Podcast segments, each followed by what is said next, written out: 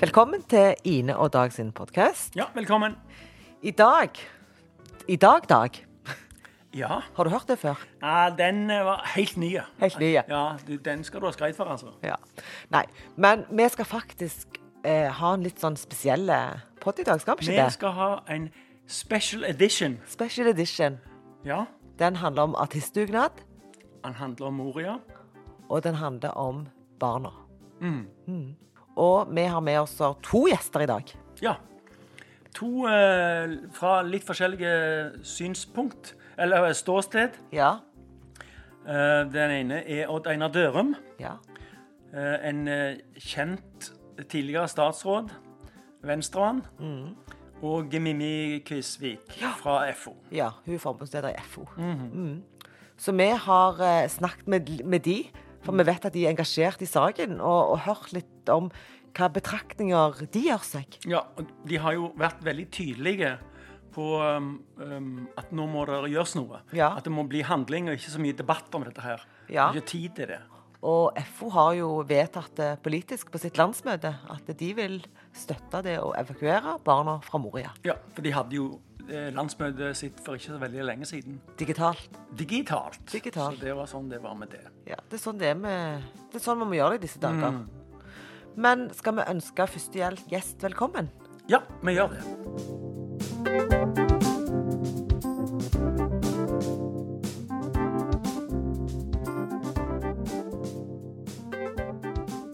Velkommen til deg, Odd Einar Dørum, og veldig kjekt at du hadde lyst til å være gjest i podkasten vår.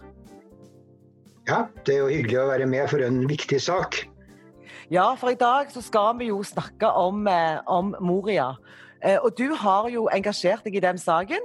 Eh, og i Aftenposten på søndag så gikk du og 19 andre tidligere statsråder ut og sa at nå må Norge gjøre noe. Kan du si litt om det? Ja, det kan jeg godt gjøre. Fordi eh, bakgrunnen var at jeg ble med på et initiativ som Knut Vollebekk mobiliserte i fjor høst for barna og kvinnene i Hol-leiren i Syria, altså ISIL-barna. Og det stilte jeg opp på. Og det førte jo til slutt til at eh, to barn og mor, det var de som ønsket det, ble hentet ut av leirene og brakt til Norge. Og så var det slik da, når vi er midt i denne pandemien, så ble jeg veldig berørt av at Norge sendte et eh, helseteam til Italia. Mm. Satt sammen av norske helsearbeidere, leger og sykepleiere og sivilforsvarspersonell. Jeg syns det var en fin handling. Og omtrent rett etter så tenkte jeg at dette må jo inspirere oss til å gjøre noe lignende andre steder. Og så midt oppi dette så oppdager jeg via en så traust og solid institusjon som Norsk Telegrambyrå en melding fra Tyskland om at Tyskland og Luxembourg ville starte med å hente mindreårige fra de greske øyene. Og i det ligger det jo også Lesvos og Moria. Mm. Da, da ringte jeg til Knut Vollebekk og sa nå syns jeg at vi skal gjøre noe. Så sa han ja, og så gjorde vi det. Og så sa han kan ikke du lage en tekst, og så laget jeg en veldig kort og knapp tekst som skulle være selvforklarende. Nemlig at en, titusener av norske borgere har bedt om at vi skal hente barn. Det har en rekke frivillige organisasjoner gjort. Men akkurat nå så har Tyskland og Luxembourg gitt oss alle en inspirasjon og et eksempel. Tyskland ved å starte med å hente 50 barn, og Luxembourg å hente 12 midt i en pandemi. Så tenkte vi den inspirasjonen ville vi bruke. Og så brukte vi, et, vi, fikk, vi sendte ut forespørselen, og det gikk en knapp dag før vi hadde fått svar fra alle. Alle ville, alle ville svært gjerne være med. Det er grunnen historien. Det er en, det er en OK historie. Ja. Og hele denne uken som vi er inne i nå, eh, hele nyhets, nyhetsbildet har jo vært veldig prega av situasjonen i Moria, og det er uenighet i Ap. Men jeg tenker litt sånn, hvis du hadde sittet i regjering nå, hvordan ville du argumentert for å overtale Høyre? Jeg tror ikke jeg skal putte meg i den rollen og hvordan jeg ville argumentert for å overtale Høyre. Jeg kunne puttet meg i en tenkt situasjon, for jeg har vært i en sånn situasjon som du spør meg om. Ja. Jeg var statsråd i, under Kosovo-krigen i 1999. Jeg ble justi justisminister, og justisministeren hadde hans asylansvaret da Mm. som nå. Og det var helt åpenbart at det var kaos, så jeg spurte om Bondevik om kommunalministeren og Roger Enoksen og Senterpartiet og jeg kunne få dra for å høre om det var sant at FN ikke trengte hjelp. Mm. Og Da fløy vi inn i krigssonen, først i Tirana, hvor jeg så tettpakket med flyktninger i hva skal vi si, trange, men menneskelig sett vennlige forhold i Albanias hovedstad. Så fløy vi videre til Makedonia, og der ble vi tatt godt imot. Og så så jeg en flyktningleir med 40 000 flyktninger i telt på en nedlagt flyplass. La oss si at det var 10 cm mellom teltene. Mm. Et, et hvilket som helst menneske med uforsiktig ild ville skapt en katastrofe. Det var ingen uforsiktige mennesker. Den leiren da, så vi også det teltet hvor de hadde tatt med seg de aller svakeste på flukten. Mm. Og Ut av det bestemte Norge seg for å hente 6000 av flyktningene ut fra Makedonia. Så jeg har vært med på å gjort det. Og det var ikke sånn at vi skulle hente en million, men vi hentet 6000. Det var for å vise solidaritet overfor de det gjaldt. Solidaritet overfor Makedonia, som nå heter Nord-Makedonia, som trengte hjelp. Mm. Så var vi med på ved å ta det initiativet og utløse noe. Så jeg kjenner veldig godt til det som skjedde. Og jeg har aldri glemt det jeg opplevde i den leiren med den disiplinen. Og det er en spesiell historie. Altså Midt i det dette havet av muslimer på flukt i Europa, så er det altså et israelsk feltsykehus.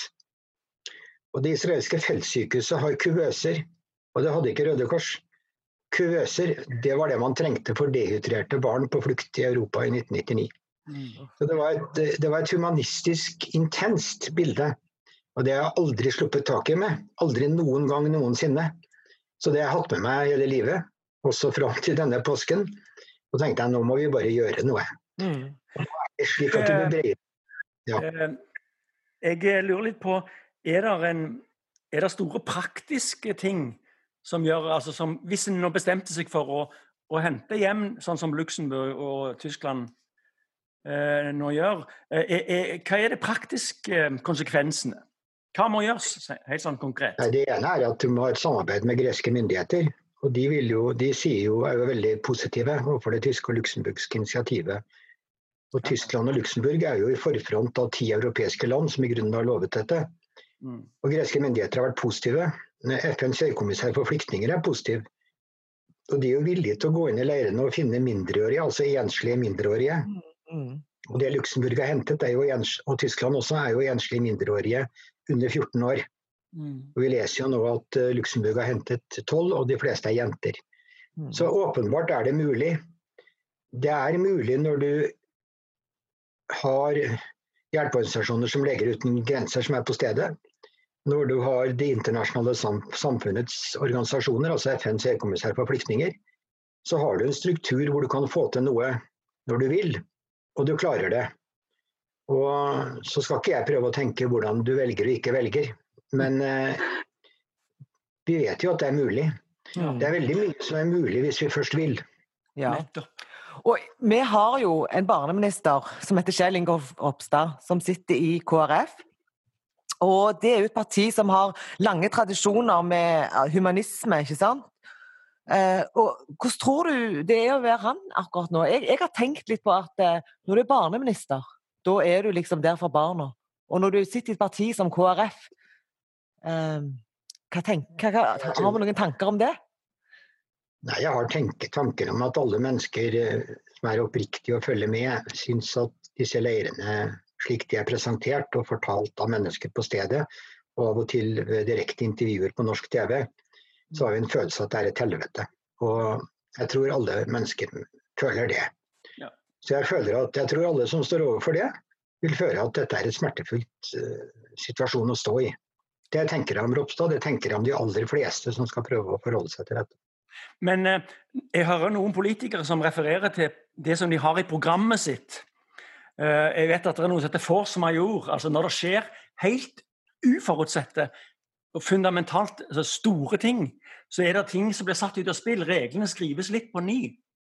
Og Er ikke dette en sånn situasjon?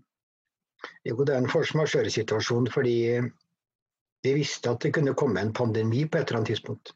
Mm. Visste ikke når den kom, og så er den kommet.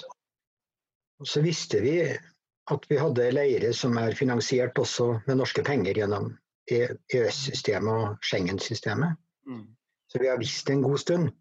Og vi vet at norske myndigheter i fjor høst hadde en åpen vilje til å være med på noe når det gjaldt migranter i Middelhavet, på vei over Middelhavet. Mm. Men så, så ble det ikke noe av det. Så jeg føler, tror at alle føler, alle skjønner at det meste skal gjøre, skal du gjøre i disse leirene for å gjøre det best mulig. Men når du gjør noe, så er det for å gi en bedre sjanse for noen. Da er det mindreårige, mindreårige barn. Mm. Det, det, er et, det er noe vi kan gjøre. Det er noe som viser at vi har rom til det. Og Det som gjorde dypt inntrykk av meg, var at Tyskland midt i en pandemi, Luxembourg midt i en pandemi, gjør dette. Istedenfor å si at av den grunn skal vi ikke gjøre det. Mm. Og det For meg, da, som er, er sønn av en tysk-jødisk kvinne, så må jeg si at dette er usedvanlig sterkt. Mm. Altså det landet som sank til bunnen av alt i menneskehetens historie. Med, Mm. med massedrapene, de industrielle drapene mot jøder, mot romfolk og mange andre som ikke hørte til. Ja, jeg, men jeg, jeg, jeg bare reagerte litt på at, at en henviser til programmet sitt, som ble skrevet for flere år siden. jo, men la oss, la, oss si da, Vi som er borgere får være glad for at politikere vedkjenner seg sine program. Ja, men, du ja, ja. rett, men du har rett at av og til så kolliderer virkeligheten med programmet. Mm. Fordi virkeligheten blir tøffere og sterkere enn det programmene har klart å forestille. Og da er vi tilbake til den gamle losen i norsk politikk. Det er vår overbevisning og vår samvittighet og den praktiske kunnskapen vi har. Mm. Og så vet vi at i Norge har vi hatt evnen til å hjelpe folk i dette landet. Det ser vi nå under denne pandemien. Det ser vi jo. Ja. Og så vet vi at vi har hatt en, et, en evne til å stille opp. Og så vet vi at norsk asylpolitikk har vært veldig streng. Men så har vi hatt unntakene. Det er de unntakene som inntreffer når vi skjønner at vi berger folk på havet. Og det er, det er de vietnamesiske båtflyktningene. Mm. Og så skjønte vi at Kosovo, at bosnierne Vi kunne ikke la de sitte i kirker. Så 12 000 bosniere slapp inn. Det er unntak. Neste unntak av kosovo-albanerne. Ja, vi hentet 6000 og sa dere må dra hjem igjen. Det blir fred i Kosovo. Og det skjedde jo. Aller fleste dro tilbake. Så er det unge menn fra Nord-Irak som snakker flytende svensk, tysk og dansk. De blir muffere. Og vi skjønte jo at vi ikke kunne sende dem til Saddam Hussein eller hva som helst etterpå. De fikk bli. Og så har vi alle de enslige mindreårige som har vært debatt om igjen og om igjen de siste ti årene. Ja. Så temaet har jo vært med oss, og det har, det har, det har plaget samvittigheten og løsningsevnen til politikere i de aller fleste partiene. Mm. Så det er ikke nytt. Men eh, jeg, jeg er først og fremst glad over at vi som land orker å stå i dette. Mm. Og jeg er blitt oppringt av folk som er dundrende uenige med meg, men de er høflige. De sier navnet sitt, og så forteller de hvorfor jeg tar feil. Ja. Og så sier jeg at du snakker med åpent visir. Det setter jeg stor pris på. Og jeg er uenig med deg. Mm. Mm. Og så legger vi på og sier tusen takk for samtalen. ja. Vi må Men- tåle altså. Ja, men, men jeg tenker litt sånn avslutningsvis. Hva tror du, hva tror du skjer nå? Eh, det er jo et enormt trykk. Tror du, at, eh, tror du at Norge kommer Hva tror du? Tror du at Norge kommer til å hente, hente hjem noen enslige mindreårige? Jeg tror at eh, fordi, eh, fordi et flertall på Stortinget i grunnen har sagt at de skal følge europeiske initiativ, så vil de fort komme i den situasjonen og se at det er ikke mulig å lage europeiske initiativ som samler alle EU-land. Det er ikke mulig. Det er ikke mulig med Polen og, og Orbans Ungarn inni dette. Og så vil man da se det som skjer med Tyskland og Luxembourg. Så vil nok andre land i Europa uh, følge opp, det er jeg overbevist om. Så jeg har det store håpet at når dette får synke inn, så vil det falle på plass. Men jeg har lært meg i politikk at hvis du skal ha en løsning, så skal du aldri peke på andre. Du skal aldri snakke ned andres motiver. Du skal snakke opp din egen sak. Du skal snakke fram din egen sak. Og så skal du aldri noen gang peke på andre, for da blir det ikke en løsning. Norge er et flott land, og folk får en sjanse til å slippe å bli satt i en krok. Og vi som har laget dette oppropet, har ikke like så lite som dere som lager denne konserten. Vi setter ikke noen i en krok. Vi satte ikke noen i en krok. Vi laget en appell fra oss til oss alle, fordi vi har hatt tillitsverv, men også er medlemmer og lever i et samfunn hvor vi ofte får til ting når vi ikke peker på hverandre, men sier hvordan får vi i grunnen til dette. Det er den troen som gjør at jeg tror at at det nytter. Og av og til så er det litt rart, da. Det tar ofte en stund, men jeg har den store troen at det nytter. Mm. Og så er det jo utrolig klar vi klarer å gjøre når, når, liksom, når alle bare setter eh, gir full gass. Altså, Nav skrev jo om reglene for støtte. altså 48 timer så endra Nav hele søknadssystemet sitt. Og det kom liksom eh, Heimevernet var på Gardermoen på tolv timers varsel. Eh, så, så det, det, kan jo skje ting ganske fort når man bare vil. De, beste, de dårligste trekkene med Norge heter svarteperspill. Det går ut på å trekke mitt bord, men ditt bord, og så vet vi hva som da skjer. Ingenting. Det her skjer ingenting. da. Du, du skifler en saksbehandlermappe med f.eks. Barne, barnevernsbarn da, fra A til B og fram og tilbake. Mm. Det er stikk motsatt i Norge. At dette får vi til. Mm. Da får vi det til. Ja. Og Den mentaliteten har vi sett om pandemien og det å lage hjelpetiltak for frivillige organisasjoner, for kulturliv, for store og små bedrifter. Mm. Vi får til ting på et tempo som en i normale omstendigheter ikke skulle tro var mulig. Mm. Og folk sitter på Stortinget. Stortinget finner ut at de kan gjøre en jobb sammen. Og Støre f.eks. skal ha ros når han loser gjennom denne unntaksloven. Og så klarer han og Stortinget å gjerde den inn på en sånn måte at den ikke blir brei og uhåndterlig, men den blir presis. Mm. Så de får det jo til. Eller vi får det til, syns jeg er ordet vi skal bruke. fordi mm. Jeg, jeg, vil ikke peke på noen, jeg, jeg appellerer til vi. Mm. Og jeg kjenner jo mesteparten av de menneskene som står på det oppropet.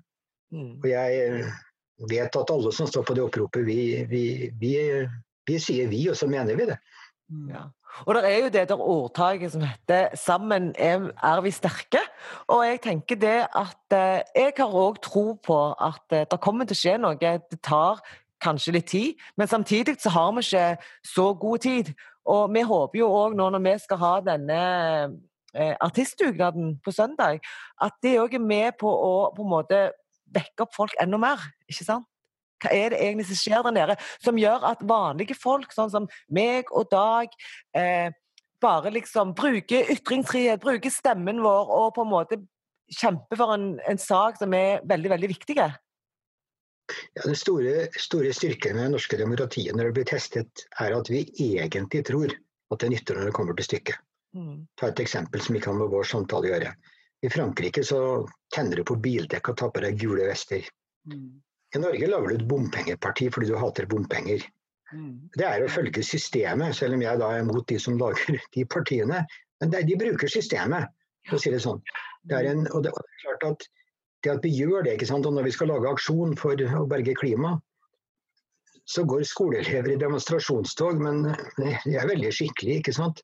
Så vi, vi, har skaffet oss en kultur hvor vi har skaffet oss aksept for hvordan vi kan reagere når det er noe ekstraordinært. Mm. Og Det er en vanvittig styrke for det norske samfunnet når vi samtidig husker det. Og heldigvis rundt oss er det mange som husker det samtidig nå. Veldig mange. For hvis ikke hadde vi ikke fått til alle de tiltakene som vi driver med i forhold til pandemien. Det er mange ting vi ikke ville fått til. Så for meg er dette en påminnelse om alle de sterke kreftene som finnes i det norske samfunnet. Hvis man, det er som Bjørnson sa i min oppvekst, kjærlighetens gjenskapermakt blir den bare prøvet. Det er noe der, og det er noen sterke ting i det. Ja, og så tenker jeg òg eh, at det ordtaket med at alle alle kanskje gjør alt, men alle kan gjøre noe. Og eh, det prøver vi å gjøre, det prøver du å gjøre. Og sammen eh, med mange andre så klarer vi kanskje å utgjøre en forskjell til slutt. Ja, det syns jeg er et flott ordtak. fordi at ja. på den måten at vi Jeg er ikke sosialdemokrat, men en av de fineste tingene ved sosialdemokratiet er jo at du lager en lang rekke, og så holder du takk, og så slipper du ikke taket. Mm. Ja, men det har jeg tro på. Jeg alltid har tro på det. Ja. det. Vi kan kalle det for frivillighetens styrke i Norge. Menneskenes styrke i Norge. Fellesskapsfølelsen i Norge som er der, og som sprenger alle partigrenser og alt. Fordi folk syns at nå handler det om mennesker, det handler om liv. Og menneskers verdi er viktigere enn kronene. Det er i grunnen det som forener oss. Ja. Og så må jeg tilføye, så lever vi da i et land hvor vi har vært så kloke at vi ikke har sløst unna oljepengene våre. Ja. Vi har spart dem i en stor pengebinge. Ja, takk og lov. Takk og lov. Men da tror jeg at vi eh, skal takke for at du hadde lyst til å være med oss. Det var veldig kjekt at du tok deg tid. Eh, og så håper vi jo at du òg ser på artistdugnaden på søndag. det skal jeg satse på, sammen med hun som hjalp meg å rigge til dette. Men det var i grunnen et ganske enkelt system, fordi at det jeg fikk tilsendt fra dere, fungerte veldig enkelt og greit. Ja. Ja, du ble jo òg en del av sendingen, faktisk. Ja. Så det... Så. Men, men tusen takk for at du hadde lyst til å være med oss. Ja.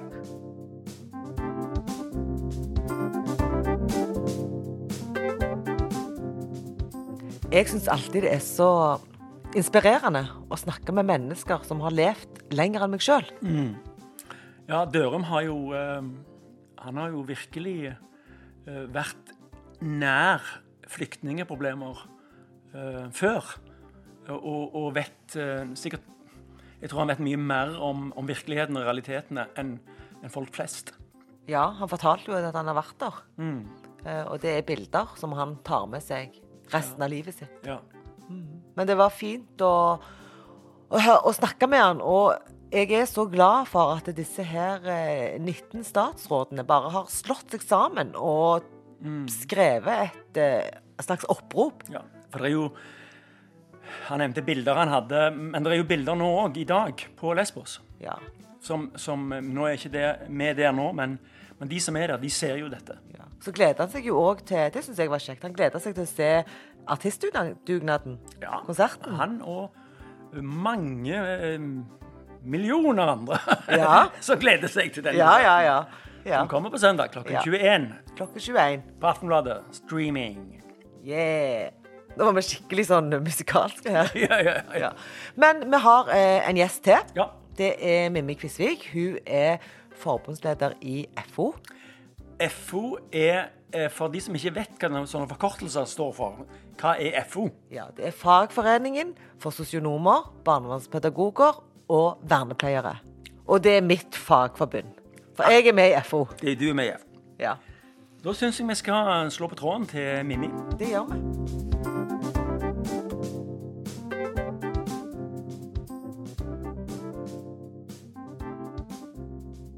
Og da vil jeg ønske velkommen til deg, Mimmi Kvisvik, eh, forbundsleder i FO.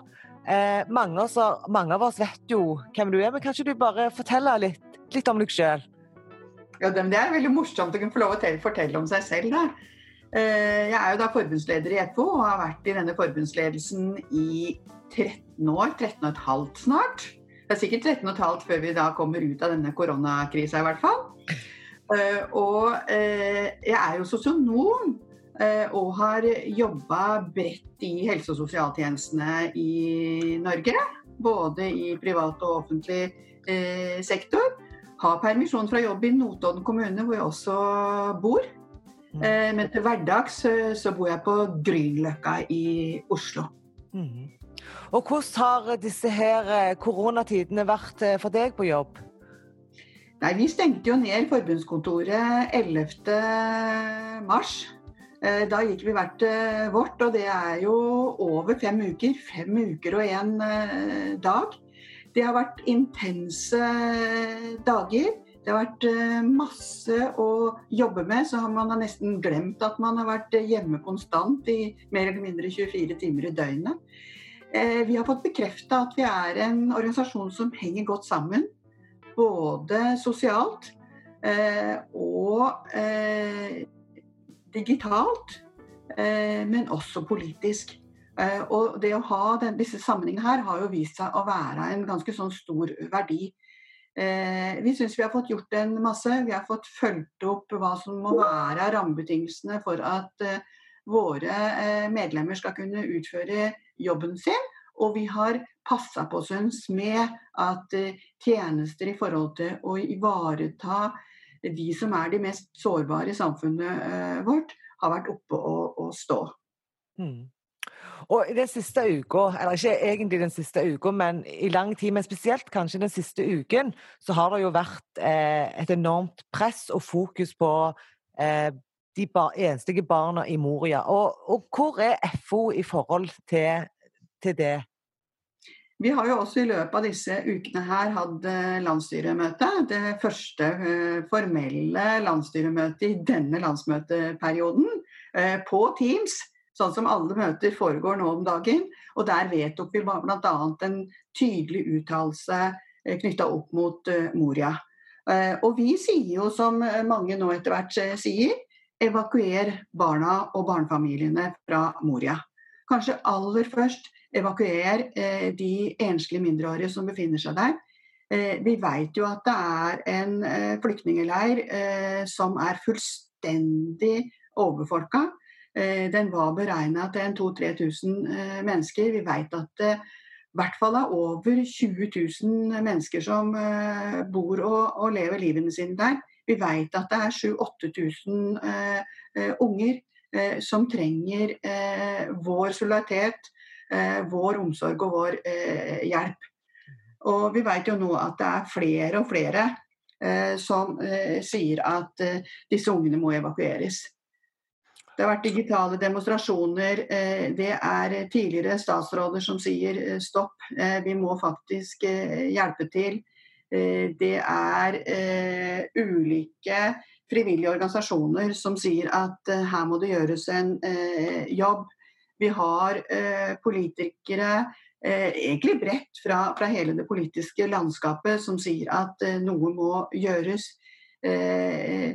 Men så ser vi at stortingsflertallet ser ikke ut til å ville gå den veien. De sier at vi må, må vente på en felles europeisk eh, løsning. Jeg sier at de ungene lever livet sitt eh, nå.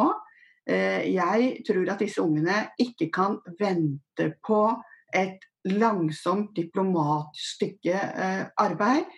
Vi må ta det ansvaret som ligger i solidariske sjeler, og si det at vi må ta imot de ungene. Og vi må hjelpe til, vi må følge opp Tysklands initiativet. Eh, og ta vår del av ansvaret.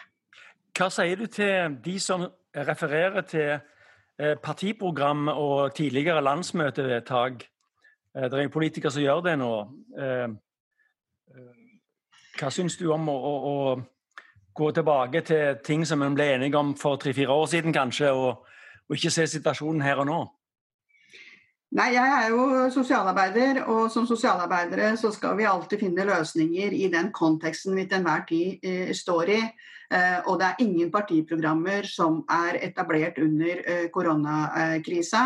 Eh, og det er jo bare med på å ytterligere forsterke behovet for at eh, vi gjør en solidarisk eh, innsats.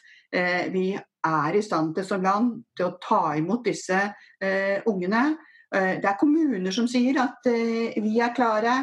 Eh, mottakssenteret vårt på, på Råde er klart. Så hvorfor i all verden skal ikke vi bidra inn her? Skal vi sitte og vente på Polen og Ungarn og de landene som kanskje aldri kommer med i et samla europeisk initiativ?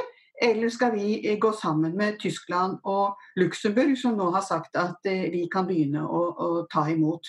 Vi må jo begynne i en eller annen ende på denne store humanitære eh, og menneskelige eh, krisa, og gjøre vårt i en eh, ganske vanskelig situasjon. Ikke bare ganskelig, den er ekstremt vanskelig. Mm.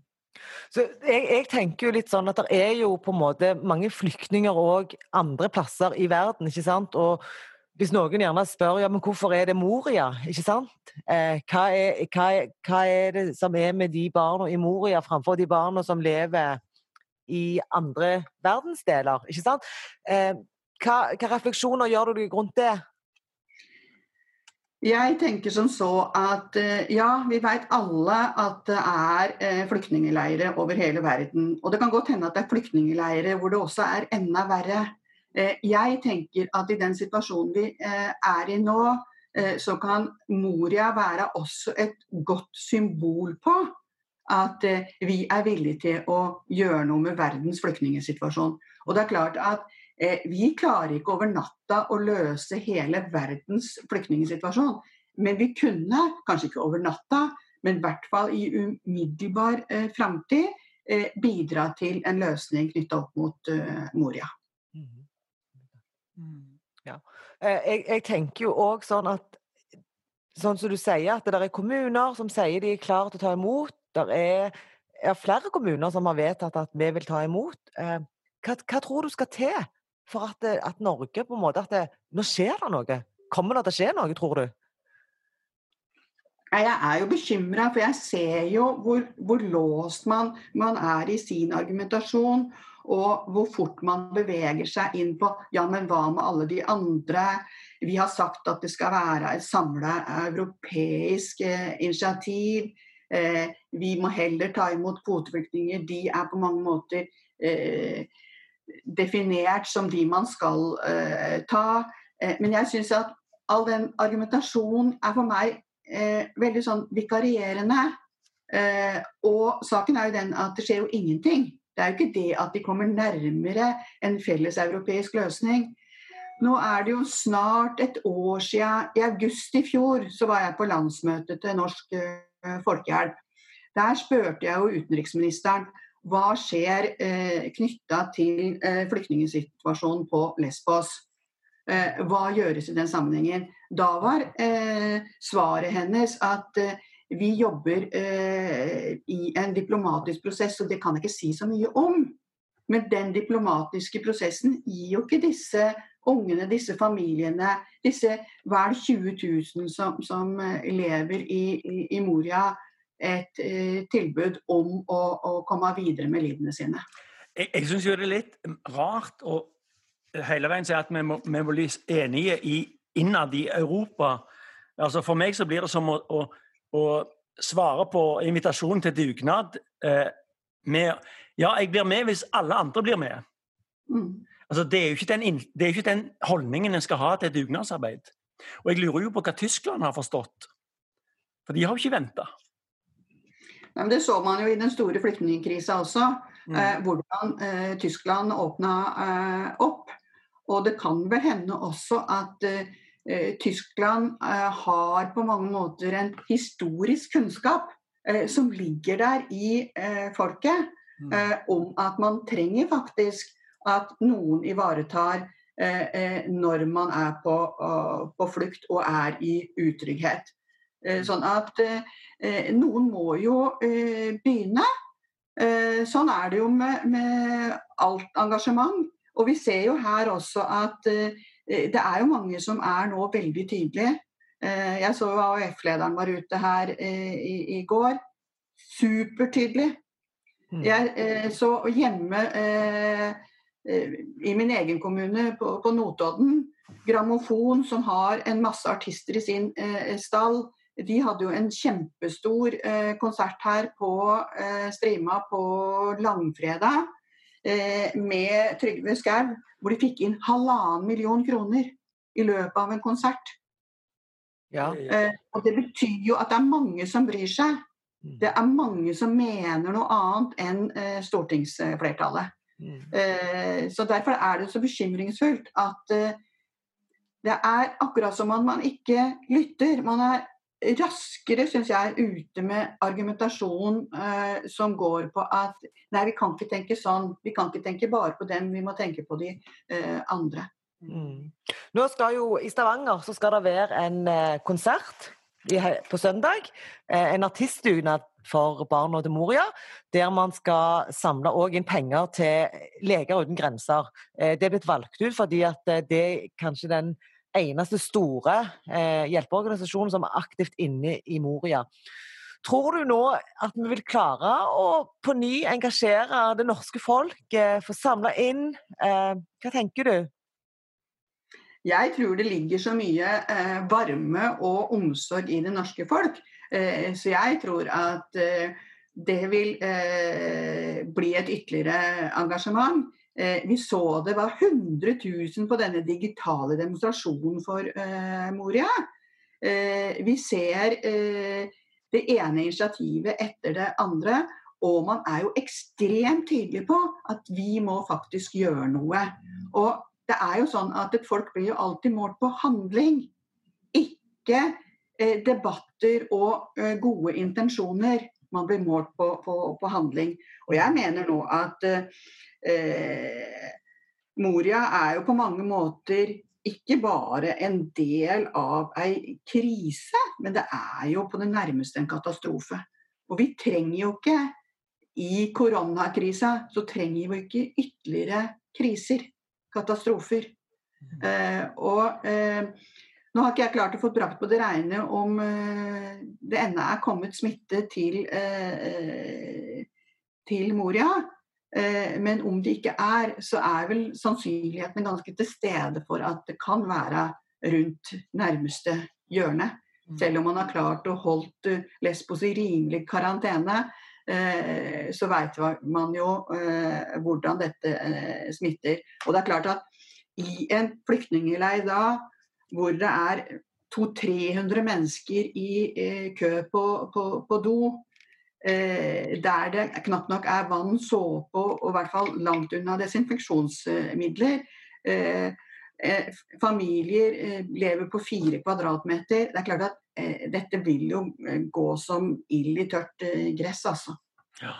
Ja. Eh, jeg tenker òg at det er så bra at FO, eh, som er en stor fagforening, er veldig tydelige på, på sitt budskap. Og hva, er det noe, tenker du, at hva kan FO gjøre videre for å være med på dugnaden de inn i, eh, i dette her med den evakueringen?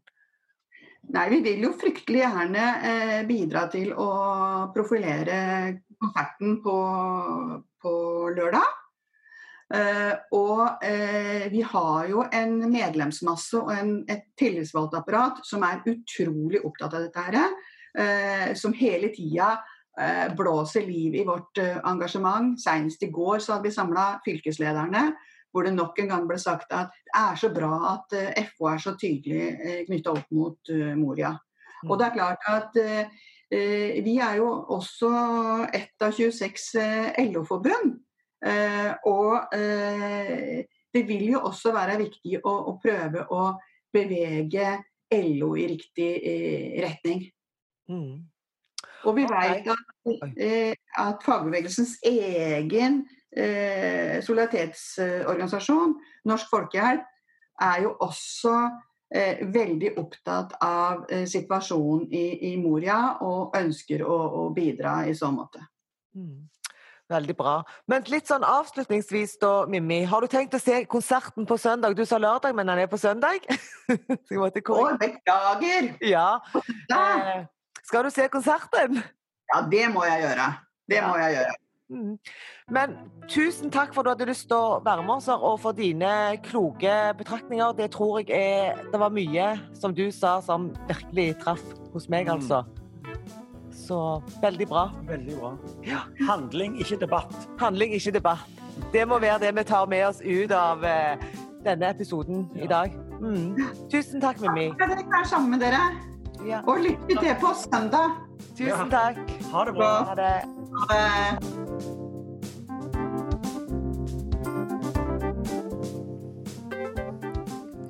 Du Ine, jeg har ikke truffet én en eneste person som ikke ønsker at vi skal gjøre noe nå med situasjonen i Moria? Er det, er det bare fordi at jeg ikke snakker med de rette folka, eller er det, går omgås jeg bare håper jeg, sosionomer? Eller fordi er du bare hjemme eller med meg og podde. Ja. eh, nei, jeg eh, har heller ikke snakket med noen som, som, jeg kjenner, eller som kjenner noen jeg kjenner, som ikke støtter dette oppropet, altså. Mm. Ja. Nei, jeg, jeg, eh, jeg, regner jo med at Altså, jeg har jo lest at folk eh, som har vært litt innom i samtalen i dag, at de snakker om at vi, vi, må samle hele Europa, finne en felles løsning. Så har vi hatt noe på et landsmøte som vi hadde for tre år siden. Vi har hatt eh, Vi har noen eh, si, plattformer som vi må stå på. Partiprogram. Men eh, jeg tror ikke dette er tiden til å, å, til, til å ha, ha, så veldig mye debatt, og, og nå det, må det handling til. Ja, og handling det må til, og det er jo det vi skal i morgen. Da blir det handling. I morgen blir det eh, handling action, som det heter på nynorsk. Ja. Da skal det være konsert, live streaming Eller det er ikke live streaming, faktisk. Det er gjort i opptak, men det streames på aftenbladet.no i morgen klokken 21.00. Ja, og da har vi jo fått med oss veldig mange kjekke artister. Vi har fått med oss Tønes. Ja, vi har fått med oss um, Randi Tyttingvåg. Ja, vi har fått med oss uh, Tore Renberg. Ja. Og så har jeg fått eh, sånn blackout, så jeg husker ikke mer navn. for jeg- Lady Luck og Ja. Dag Vagle. Ja. Så vi har jo veldig mange artister som har bare sagt ja, det Ja. vil vi være med på. Og det blir en nydelig produksjon. Det er Konserthuset som filmer dette med masse kamera, lys og hele eh, De tar liksom, drar den helt ut. Ja. Og det som er òg det fine, det er at eh, alle kan gjøre noe. For det alle kan få lov å vippse til Leger uten grenser. For det er den eneste organisasjonen som er der inne og jobber aktivt nå. Og de trenger penger. Og, og hvis du nå akkurat satt med mobilen i hånda, så er det 2188. Du kan bare begynne å vippse i dag. Vips, vips 2188. Og så kan du skrive Moria i meldingsdelen, så går pengene direkte til den innsatsen som Leger uten grenser gjør på Lesbos. Så da håper vi at dere eh, koser dere under konserten i morgen. Og meg og deg er tilbake med en liten oppsummering på dette her etter hvert. Ja. Ha en fortsatt fin lørdag, og gled dere til i morgen. Ha det bra. Ha det.